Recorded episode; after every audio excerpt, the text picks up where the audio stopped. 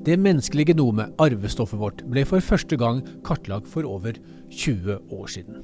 Etter å ha vært brukt i forskning i et par tiår, begynner nå gensekvensering å bli mer vanlig som et verktøy for å diagnostisere kreft og for å sette inn effektiv behandling. Og mulighetene fremover er enorme.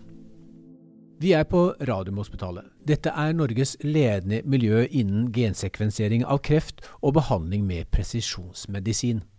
Vi er i et rom der gensekvenseringsmaskinene står på rekke og rad. Så dette er en ganske kompakt NGS-maskin som egner seg veldig godt i kreftdiagnostikken. Og i de små eh, eh, brønnene her, i denne platen i midten, der ligger det prøver fra eh, kreftpasienter. Der ligger det DNA og RNA fra kreftpasienter. Dette er Hege Rustnes. Hun er overlege og gruppeleder på Avdeling for patologi og Institutt for kreftforskning på Oslo universitetssykehus.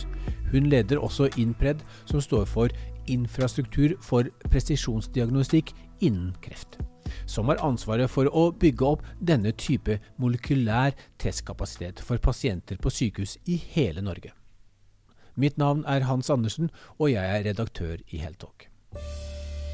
Podkasten Den persontilpassede revolusjon lanseres snart. Gå inn på denpersontilpassederevolusjon.no eller dptr.no og meld deg på vårt nyhetsbrev. Da gir vi deg beskjed når den første episoden går på lufta.